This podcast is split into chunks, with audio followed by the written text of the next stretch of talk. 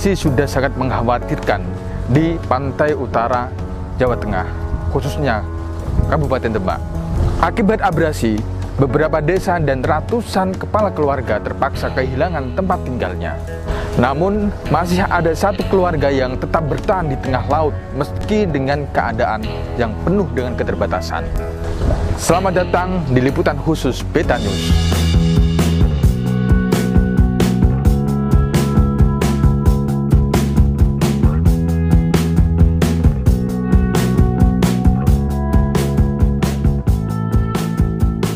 Seluruh warga Duku Seni, Desa Bedono, Kecamatan Sayung telah meninggalkan rumah-rumah mereka karena terkena abrasi dan kini telah tenggelam. Namun, ada satu keluarga yang tetap bertahan, yakni Mak Pasijah dan suaminya serta dua anaknya yang masih sekolah. Untuk memenuhi kebutuhan sehari-hari, Mak Pasijah harus naik perahu sejauh 1 km menuju daratan. Tak hanya untuk berbelanja ke pasar sayung, untuk kebutuhan air minum dan mengantar anak ke sekolah, mereka harus menyeberangi lautan. Mereka bertekad akan tetap tinggal di tengah laut meski gelombang dan badai terus mengancam. Bu, boleh diceritakan sejak kapan Bu tinggal di sini itu? Aku mas tinggal neng kene awal-awalnya kuwi telung puluh tahun sudah tinggal 30 tahun iya, gitu ya? Iya, 32. 32 tahun. Tahun, ya. Oh, ketika nikah dengan bapak gitu ya? Iya. Gitu. Kalau dulu itu sebenarnya di sini itu lahan apa sih bu? Asalnya mas, mau maunane sawah. Sawah ya? Iya, sawah ono parine mas. Hmm, berarti aslinya warga sini itu petani gitu ya? Iya, petani. Termasuk mas. ibu? Tani. petani aslinya gitu ya? Iya. Terus akhirnya akhirnya tuh mas terus kok darung darung wi terus kok ono rope terus teko terus mas terus kita hmm. tambah hmm, itu mulai tahun berapa itu ada serangan rob itu anu mas sampai tahun 2000 mas 2000? mulai kita tambah ya hmm. lah terus kok 2000 gitu mas mulai 2000 rongewu kuwi kita tambah terus darung darung darung terusan nganu Mas 2010 itu Mas. Mm -hmm. terus kita di laut iki ngetek mm -hmm. sprene 2000 hmm. piro itu Mas? Loro ya? 2021 oh 2020 saiki di laut Mas oh, saiki. okay. kalau dulu itu pas sampean kecil itu yeah. yang sini itu apa Mas? Ini sebelum jadi rawa-rawa ini ya? Oh iya. Dulunya yang di sebelah sini itu semuanya persawahan. Persawahan. Persawahan. Terus di sebelah rumah Makjah ini dulu banyak pohon kelapa hmm, gitu banyak palawija hmm. nah terus tahun 2000 mulai terkena apa tuh rob sedikit-sedikit hmm. akhirnya tahun 2005 terus semakin parah semakin parah 2007 minta relokasi desa. Hmm, dan 2008 itu tinggal tinggal Makjah yang di sini. Makjah sendiri. Gitu. Kalau selama di sini itu Mas, hmm. uh, ada kesulitan-kesulitan di sini kan untuk mencari air juga kan di luar sana iya. gitu kan. Terus untuk mencari bahan pokok oh. juga kan harus ke darat dulu juga. Ke darat. Kadang-kadang itu ada kesulitan nggak Mas? Misal pas musim hujan gitu. Iya, kesulitannya di sini pas musim hujan. Hmm. Musim hujan tur ada gelombang ombaknya. Hmm. Januari, Februari itu hmm. musim hujan, tapi di sini ada gelombang ombaknya. Hmm, gitu. Itu kalau dayung perahu kecil itu selalu klebur. Hmm. Biasanya itu pernah ada itu enggak masalah, Mbah? Misal uh, lagi volume air naik gitu, terus akhirnya rumah ini dipenuhi dengan air gitu, terus antisipasinya gimana itu, Pak Aku Mas, aku ya. nganu Mas, yo golek gon Mas. Oh. Golek gon Mas. Golek gon di mana? Ya anu Mas, ya mangkrek-mangkrek lah, munggah-munggah ning anu ngono. Di bangunan-bangunan iya. ini. Oh, pernah kayak gitu? Ya kita nak nek kuwi ra tingkat Mas. Oh, gitu. Iya, nak anu ya naik perahu Mas. Oh. Kan ngene Mas, ah anak ro bedhe pomone lini banter lah anu mah. Hmm. Munggah perahu nak perahu dicancangkan serot mobil Mas. Hmm, gitu. Jadi akal ngono. Oh, gitu. numpak perahu Mas aku. Dan barang-barangnya barang-barangnya Mas ya diunggah-unggahke Oh, gitu. Dek Koderia, yeah. ini kan kamu masih sekolah ya, masih yeah. di SMA gitu. Nah, untuk perjalanannya itu gimana? Sementara ini kan laut semua gitu. Yeah. Boleh diceritakan itu? Uh, aku bangun pagi. Hmm. Nanti diantar sama orang tua sampai Pandensari. Hmm. nanti cari tappingnya terus nanti sampai jalan raya ngebis ya nanti ke sekolahannya. Nanti dijemput pakai mobil sekolah. Oh, Padan Sari itu ujung sana itu ya? Iya. Yeah. yang banyak perahu-perahunya itu ya? Iya. Yeah. biasanya kalau berangkat dari rumah itu jam berapa itu? Jam setengah enam. Jam setengah enam. Kalau misal arus laut sedang tinggi-tingginya gitu pernah enggak terus akhirnya harus terpaksa telat gitu? Iya pernah. Itu kan apa udah ombak terus ada hujan pasti hmm. itu telat. Hmm gitu. Dulunya itu tidak sempat untuk menikmati jalan raya. Misal sekolah itu pakai jalan kaki gitu. Masih sempat. Masih sempat. Kelas pas tiga. kelas tiga. Pas kelas tiga itu gimana keadaannya itu bisa digambarkan? Keadaannya masih jalan jalan berair hmm. tapi masih bisa dilewatin pakai kaki. Terus mas dulu itu aktivitas sebelum adanya rob ini ya. Hmm. dulu itu aktivitasnya setiap sore atau setiap hari gitu masih bisa beraktivitas di daratan apa enggak mas? Masih, masih. Kita bisa jalan-jalan. Hmm. Kalau sore itu sudah apa masih bisa naik sepeda hmm. di ontel. Hmm. Lalu kita bersama teman-teman itu bermain sepak bola. Hmm. Terus habis itu kalau apa, apa itu haus lalu ambil kelapa oh, gitu. kayak gitu masih bisa. Lapangannya dekat di sini ya? Oh, dekat. Nah di mana lapangannya mas? Di, di sebelah, sana. Itu. Oh gitu. Iya. Ini kan yang di sini itu tinggal makjah tok gitu kan. Iya. Nah untuk aktivitas sehari-hari untuk memasak, untuk mandi gitu, selama ini gimana, mak? Nak masak mas? Oh, iya. Yo nganu mas, yo kudu kuwi mau. Lah iya ya. Harus apa? Ya, pomone ora duwe to, Mas. Ah. Ya blonjone ning pasar. Ning pasar. Engko ya. ora ra duwe banyu, kok kene ora ana banyu, Mas. Nyatane saiki wis rope koyo ngene iki terus ngangsune tanpa sari. Hmm, gitu. Iya. Itu air yang untuk masak. Ngang, yang ngangsu itu iya. untuk masak, untuk mandi. Iya. Gitu ya? Gawe nyuci. Nyuci juga. Iya. Hmm. Tanpa sari, Mas berarti setiap hari itu ngambil apa namanya air iya, bersih iya, iya. terus belanja kebutuhan pokok juga iya. gitu ke daratan ke daratan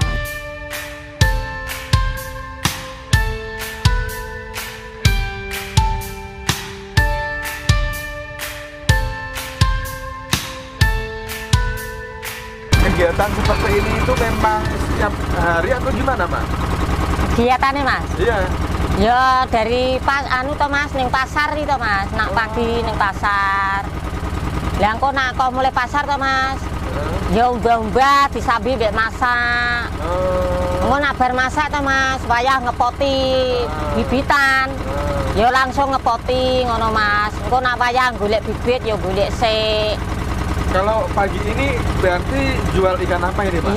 Ikan itu Mas, belana. Ikan belana? Iya. Belana itu hasil dari tanggapan Bapak atau siapa ya? Ente nelayan Bapak ini Mas. Oh, gitu.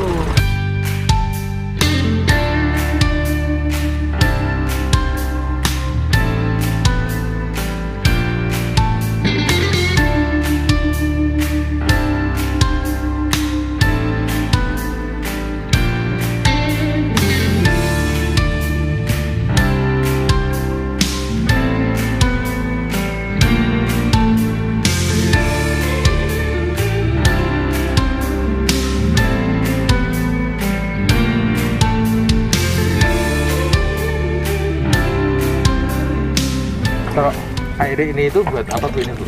Air ini mas buat masak, buat nyuci ini. Hmm, berarti buat setiap anu mandi.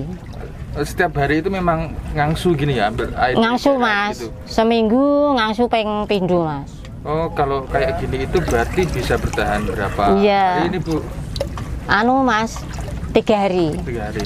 Dalam satu bulan atau satu minggu biasanya habis berapa bu itu bu? Anu mas aku nak maringi sak ngeten kita sepuluh ribu. Sepuluh ribu? Iya. Berarti sebulan empat puluh ribu. empat puluh ribu ya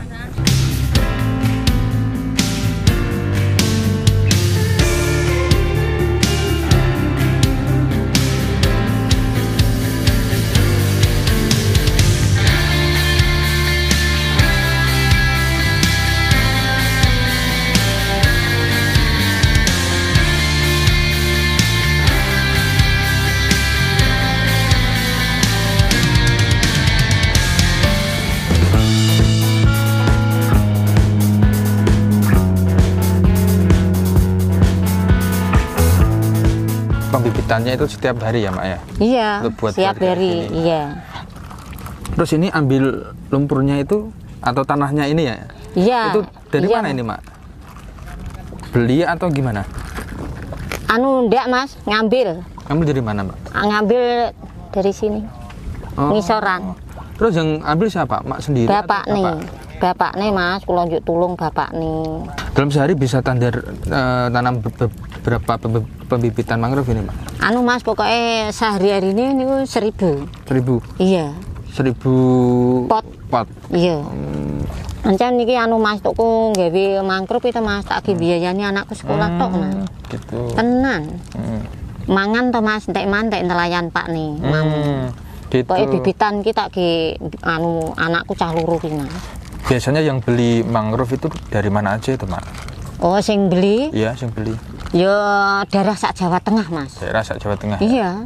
katanya sampai Bali juga sampai Jakarta Iya. ya sering itu mak Jakarta sering nggak, Mas? Hmm, biasanya itu sekali pesan itu bisa sampai berapa pak jumlahnya Anu yo ngono kuwi Mas, sak klulure Mas. hmm, Sak bulan anu yo gang 500. 600 Nak anu 1000. ribu paling banyak berapa mak Paling banyak 5000. lima ribu Iya, alhamdulillah Mas. Oh. Nak 5000 ki aku cukup Mas tak gawe biayani anakku. iya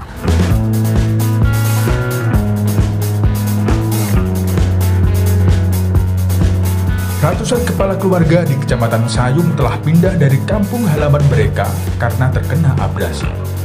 Ratusan kakak warga telah bedol desa ke tempat baru dan ratusan kakak lainnya bertahan di genangan air laut menunggu relokasi. Tanah mereka yang subur dan dulu ditanami padi dan palawija kini telah tenggelam dan tak bisa lagi ditanami. Warga yang dulu bekerja menjadi nelayan pun kini tak bisa lagi melaut. Pak mungkin bisa dijelaskan Iya. kalau di sini sendiri itu di Sayung terutama ada berapa desa yang hilang atau terpaksa bedol desa gitu Iya. Eh, untuk di desa kami, Kelurahan Bedono ini ada dua desa yang sudah bedol desa. Itu desa Tambak Sari Hmm. dan desa Senik Rejosari. Hmm. Itu yang di Tambak Sari pindah di eh, desa tetangga kita.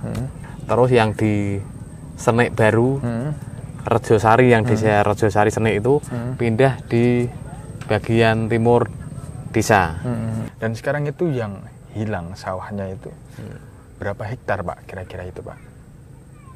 Eh, tanah yang kena abrasi di Duku Bedono ini ya mungkin kurang lebih ada 1000 hektar lebih lah hektar lebih ya.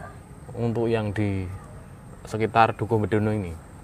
Oke. Mungkin yang ada di duku-duku lain mungkin eh, sangat banyak sekali. Jadi kan ini yang hilang sebenarnya itu bukan hanya sawah gitu Iya. kan, tapi juga rumah-rumah warga ini. Iya. Nah di sini itu berapa warga atau berapa kakak yang iya. terpaksa pindah atau bahkan bisa disebut bedol desa gitu. Iya. Nah mungkin bisa dijelaskan pak, mulai kapan dan berapa jumlahnya itu?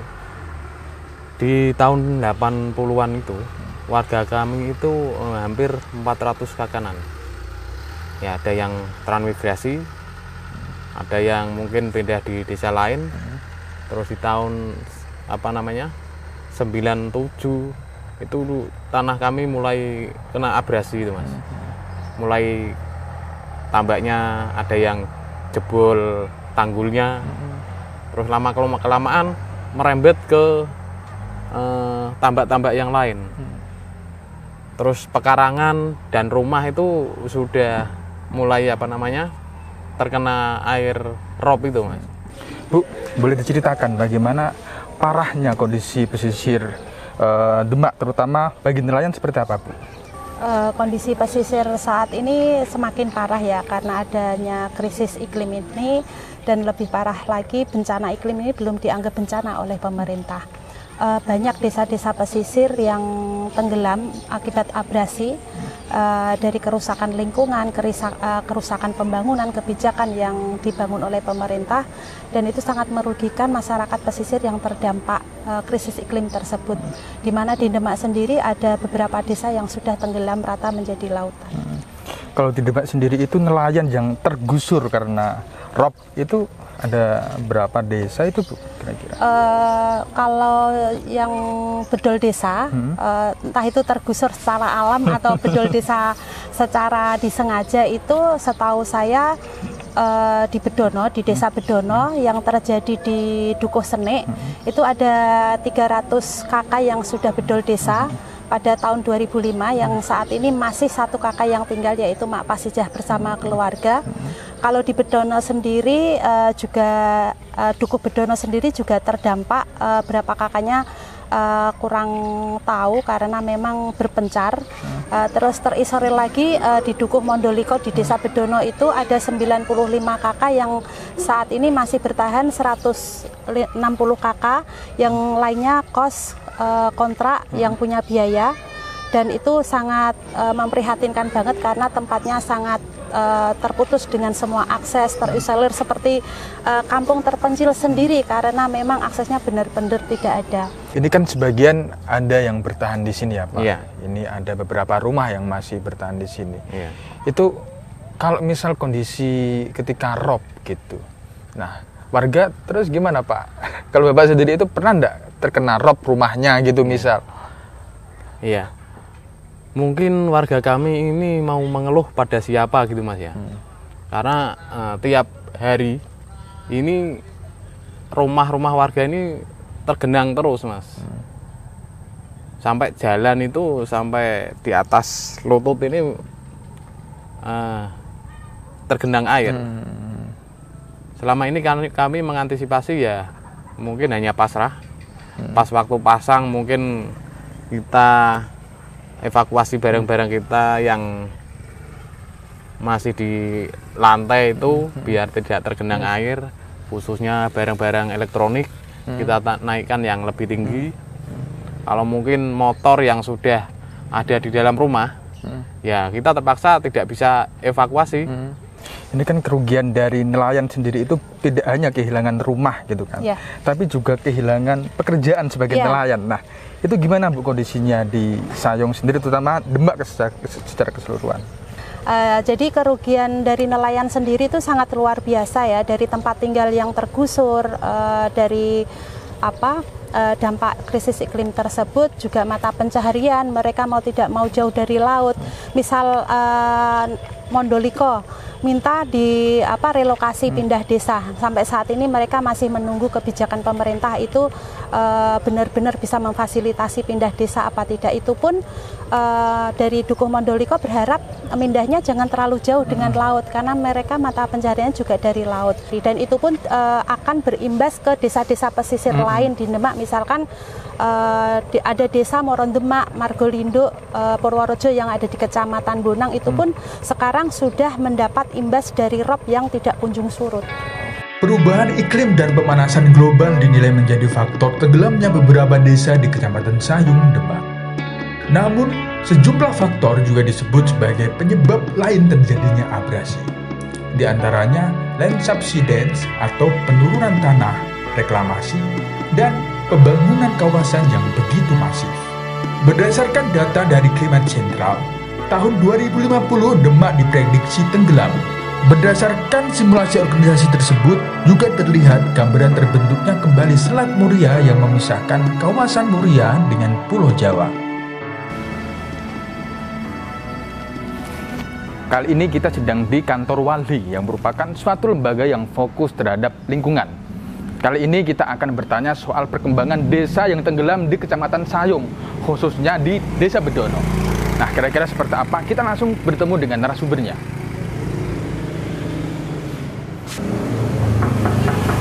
Oh, halo. Ya, oke. Okay. Ya, ya silakan ini. duduk. Oke. Okay. Oke. Gimana? Bung, ini kita akan ngobrol-ngobrol soal abrasi dan rob ini kan Wahli sangat banyak tempat-tempat yang dituju atau diadvokasi gitu kan termasuk yeah. beberapa daerah di seluruh Jawa Tengah. Nah, pertanyaannya adalah kenapa sih tertarik terhadap isu lingkungan yang ada di pesisir Demak, khususnya Kecamatan Sayung itu, Bung. Kira-kira bisa dijelaskan tidak soal itu? Ya, uh, sebenarnya persoalan di pesisir Sayung ini uh, sudah lama hmm. gitu ya. Dan Walhi ketika dulu di awal-awal 2000 juga sudah mengikuti persoalan yang ada di uh, apa di Sayung Demak ini terkait dengan uh, abrasi gitu. Hmm. Nah, memang persoalan-persoalan ini uh, semakin ke sini uh, ada hal yang lebih menarik adalah bagaimana konteks uh, persoalan Sayung ini hmm ini juga uh, menjadi akibat dari uh, climate change atau hmm. perubahan iklim yeah, gitu yeah. Uh, yang di mana memang uh, salah satu salah satu apa uh, dampak dari perubahan iklim ini sendiri adalah uh, meningkatnya uh, tinggi air laut gitu. Ya. Hmm. Oke Bu, gimana ya. kabarnya Bu? Alhamdulillah baik Mas. Oke, ini tadi kita ingin tanya-tanya soal hmm. perkembangan di Kecamatan Sayong, okay. khususnya di pesisir Demak itu yang hmm. katanya semakin parah Bu. Iya, memang sebenarnya sebelum ini saja kan sudah parah ya, karena iya. kan perubahan arus itu waktu hmm. itu tahun berapa sih? Sebenarnya awalnya tuh mungkin sejak pembangunan uh, pelabuhan itu loh, hmm, pelabuhan di Semarang. Tanjung Mas itu ya? Ya, Tanjung hmm. Mas itu, itu kan memang sudah ada perubahan arus ya. Hmm. Jadi perubahan arus itu kan menyebabkan yang seharusnya mungkin dia masuk ke sebelum pelabuhan kan berubah arusnya. Nah, berubah hmm. arus itu menyebabkan terjadinya uh, abrasi. Yang abrasinya okay. harusnya mungkin waktu itu di Semarang, tapi karena ada apa pembangunan akhirnya berpindah ke arah uh, Demak, Demak dan sebagainya. Gitu ya. Iya. Uh, beberapa laporan yang dulu pernah saya baca ada beberapa dampak uh, memang uh, dampak ekologis ya bencana ekologis uh, yang di mana itu disebabkan oleh uh, perilaku manusia ya tangan-tangan hmm. manusia sendiri salah satunya adalah uh, apa uh, peluasan kawasan uh, Tanjung Mas uh, terus uh, reklamasi Pantai Marina itu sebenarnya yang uh, me menjadi salah satu faktor ya yang mempengaruhi gitu bagaimana beberapa wilayah di Sayung Demak hmm. Betono itu uh, terkena abrasi yang sangat masif. Tidak ada satu sebab ya, karena nah, sebab itu bisa jadi multi begitu loh, karena ada berbagai sebab. Jadi hmm. abrasi itu hanya salah satu, salah satu sebab. Hmm. Jadi terjadinya uh, hilangnya atau hilangnya daerah-daerah yang ada di pesisir. Hmm. Bisa uh, selain itu kan juga pembangunan di atas ya, pembangunan hmm. di atas daratan itu yang juga kemudian menyebabkan terjadinya uh, uh, hilangnya wilayah-wilayah di, di pesisir itu. Jadi hmm. pembangunan yang cukup masif di pesisir juga menyebabkan hmm. karena tadi ada pelabuhan, kemudian hmm. ada reklamasi uh, dan yang lainnya yang menyebabkan juga uh, terjadinya uh, apa abrasi. Kemudian hmm. selain itu karena banyaknya uh, industri hmm. di pesisir juga yang menyebabkan kan pengambilan air bawah tanah ya okay, yeah. yang cukup masif. Jadi kalau uh, intrusi air hmm, laut hmm. masuk ke dalam, kemudian uh, penyedotan itu cukup besar, ya hmm. pasti tanahnya akan semakin okay. menurun. Oke, selamat siang Pak Heri Andreas.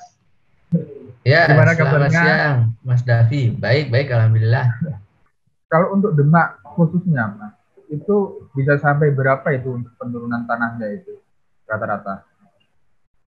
Ya, jadi kalau Demak bagian barat ya yang berbatasan dengan Semarang, nah itu bisa lebih dari 10 cm per tahun ya. E, ada di beberapa titik e, bahkan mencapai 15-18 cm per tahun ya. Nah ke arah timurnya pesisir timur Demak itu mengecil ya Eh, beberapa senti saja eh, per tahunnya. Jadi berbeda-beda juga nilainya ya di tiap eh, area ya. Kira-kira seperti itu ya tipikalnya. Hmm. Kalau di Demak sendiri itu penyebabnya itu apa sih mas? Penurunan tanahnya itu? Ya, e, kalau tipikal pantura itu penyebabnya ada e, bisa dibilang tiga atau empat ya. Eh, yang pertama itu ya secara alamiah memang di tanah lunak itu tanahnya turun ya. Eh, biasa kita sebut itu eh, namanya kompaksi alamiah. Nah, kemudian efek dari pembebanan dari infrastruktur dan urugan tanah. Nah, itu juga membebani si tanah lunak tersebut sehingga menyebabkan tanahnya lebih turun. Nah, kemudian eksploitasi dari air tanah menyebabkan kompaksi di sumber air tanahnya atau di aquifer itu menyebabkan turun di atasnya ya eh, di permukaannya tanahnya. Dan yang terakhir itu efek tektonik lah. Jadi uh, ya tiga atau empat faktor itu yang menyebabkan penurunan tipikal di Pantura ya, termasuk di Demak. Nah, sebenarnya ada ada ada ada ada data juga saya terkait dengan uh, dari ini climate central ya, hmm. bagaimana wilayah memprediksi di 2050 itu wilayah Pantura itu yang hilang. Hmm, gitu. gitu. Termasuk Demak khususnya. Ya, termasuk Demak, Semarang, uh, Pekalongan gitu. Oke, jadi uh, ini uh, ini adalah uh, land projected to below annual level hmm. level in 2050 atau bisa kita uh, artikan adalah uh, ini prediksi hmm. dari climate central uh, ini salah satu uh, organisasi gitu ya yang dia memprediksi uh, 2050 hmm. kalau uh, suhu bumi itu semakin naik dan semakin naik ada beberapa wilayah yang tenggelam. Hmm. Nah, salah satunya memang adalah di pesisir Demak. Nah, hmm. ini kan ini Demak ya. Nah, ini ada ada uh, Yang merah ini berarti. Nah, yang merah ini yang akan tenggelam sebenarnya. Ini Semarang juga akan tenggelam, Kaliwungu dan hmm. lain-lain. Hmm. Nah, uh, kalau terkait dengan pertanyaan tadi, apakah itu juga uh, ada korelasi gitu terkait hmm. dengan uh, Selat Muria? Nah, ketika aku coba baca dan uh, coba lihat di uh, Muria ini, ini memang ada potongan di sini kan gitu. Nah tapi uh, bagaimana konteks korelasi uh, perubahan iklim ini uh, dengan uh, dengan uh, apa uh, Selat Muria tadi? Karena uh, dalam uh, dalam uh, tipologi tipologi wilayah uh, di Sayung sendiri hmm uh, itu cekungan dataran rendah sebenarnya dataran uh, cekungan jadi apa di dia di, di bawah gitu hmm. kalau kayak mangkok itu dia di oh, uh, di ininya iya, jadi iya. dia akan lebih gampang hmm. untuk uh, apa untuk hilang gitu ya iya, iya. seperti halnya ketika banjir uh, banjir yang berada di Semarang gitu uh, Genuk Sayung uh, itu pasti akan tenggelam kalau uh, misal kejadian masih apa namanya di Kabupaten Demak khususnya di daerah pesisir itu masih sama seperti ini dan belum belum ada penanganan gitu kan uh, untuk ke depannya mungkin 20 atau 30 tahun lagi itu yang akan terjadi di pesisir Kabupaten Demak itu kira-kira seperti apa mas? Kalau luasannya bisa sampai belasan ribu hektar yang akan hilang ya. Uh, atau paling gampangnya itu ya nanti jalan Pantura itu udah jadi rob ya Okay. Nah sebenarnya sekarang juga kalau di da daerah Sayung ya, kemudian sedikit ke arah Morosari, nah itu si banjirop itu sudah ke sampai ke Jalan Pantura. Jadi minggu lalu saya ke sana ini, oh ternyata eh, apa eh, di luar perkiraan bahwa ini sebenarnya lebih lebih masif dari yang kita kira ya. Nah memang ke depannya ini kalau tidak ditangani secara serius itu akan eh, mengkhawatirkan lah ya. Akibat terjadinya abrasi di wilayah Sayung, Kabupaten Demak, dampak yang diterima begitu besar. Kerugian akibat abrasi tidak hanya ditanggung oleh pemerintah karena harus memperbaiki infrastruktur untuk kepentingan publik. Namun, kerugian harus ditanggung oleh warga terdampak abrasi karena mereka harus meninggikan lantai rumah dan bahkan ada banyak warga yang harus kehilangan tempat tinggal dan pekerjaan. Jika dihitung, kerugian akibat abrasi di Demak mencapai angka fantastis, yakni hingga puluhan triliun rupiah. Oke, Mas, kalau boleh dihitung itu selama ini tingkat kerugian yang ada di pesisir Demak itu bisa sampai berapa miliar atau berapa eh, puluh juta itu mas atau ratusan gitu eh, ya memang menghitung potensi kerugian ya itu kan nanti ya. ada direct cost ada indirect cost ya ada eh, cost benefit analisis macam-macam ya. ya nah untuk yang sederhana saja misalnya hanya bicara direct cost ya masalah land loss itu hitung-hitungan di Demak itu sudah sudah mencapai hampir 30 triliun rupiah sebenarnya. Triliun. Oh. Triliun ya ininya ya eh, konsekuensinya. Hmm. Tetapi itu kadang-kadang orang tidak sadar ya, misalnya pemerintah meninggikan jalan pantura, kemudian meninggikan eh, jalan-jalan yang masuk ke pedesaan. Nah itu dianggap sebagai kegiatan rutin, padahal itu adalah cost dari konsekuensi uh, akibat adanya subsiden dan banjirop ya. Oh, saya tuh belum pernah sebenarnya menilai uh, teman-teman di Sayung kerugiannya seberapa. Hmm. Tapi kalau lihat teman-teman di Semarang saja, misalnya di Tambak Lorok hmm. dan sebagainya di kawasan-kawasan pesisir begitu ya, karena mereka harus menaikkan rumahnya itu hmm. paling tidak itu uh, tiga tahun sekali. Iya, iya. Tiga tahun sekali itu biayanya sekitar antara 20 juta sampai 60 juta. Iya, itu benar, kan benar, benar. Ya mungkin hampir sama lah di seperti itulah. Mm -hmm. Pun kalau misalnya yang lebih parah berarti mereka kan akan pindah dari situ. Nah itu pindah itu kan juga memerlukan biaya uh, dan sebagainya. Jadi ya antara 20 sampai 60 juta per tiga tahun ya berarti sekitar 20-an juta misal. Itu kan uh, untuk menaikkan saja. Sebenarnya ini kan juga ngomong bagaimana kebijakan pemerintah kebijakan pemerintah dalam menangani uh, persoalan ini gitu ya. Uh, bahwasanya ada yang namanya uh, National Determination uh, apa uh, NDC gitu ya, uh, terkait dengan uh, apa komitmen negara-negara untuk uh, bagaimana mengurangi produksi karbon. Hmm yang di mana bisa meningkatkan uh, suhu bumi sampai 1,5 derajat Celcius. Nah, tapi posisinya kebijakan-kebijakan di kita itu di Indonesia dan di beberapa daerah di provinsi Jawa Tengah sendiri itu kurang ambisius dalam hmm. menangani itu.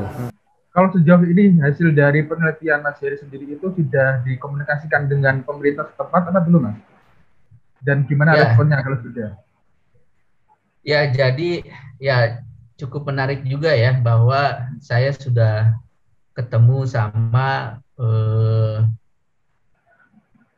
Bapak Bupati, Bapak Wali Kota, gitu ya, Ketua DPRD, kemudian eh, kepala kepala dinas ya, bahkan di pusat juga eh, ke, ketemu oh, teman-teman di kementerian gitu ya. Dan terakhir bahkan dua minggu yang lalu, alhamdulillah saya bisa ketemu sama Habib Lutfi hmm. untuk uh, ngobrol tentang masalah uh, kondisi banjirop di Pekalongan ya. Jadi sudah sudah roadshow lah ke mana-mana. Dan uh, sepertinya sudah mulai didengar lah ya. Jadi di di pusat itu ada uh, program major project ya. Jadi sudah masuk ke uh, RPJMN terkait masalah uh, plan subsiden dan banjirop yang ada di Pantura ya Kemudian di level provinsi juga kita sudah eh, buatkan juga roadmap untuk ke provinsi Jawa Tengah dan sudah disampaikan ke Pak Gubernur ya. Jadi sekarang itu ke arah yang lebih baik lah. Jadi atensinya eh, makin tumbuh gitu ya. Kemudian nanti solusinya mah lebih dipikirkan ya. Kita lihat lah beberapa tahun ke depan ya. Tetapi saya lihat ke arah lebih baik lah penanganannya ya dibandingkan dulu.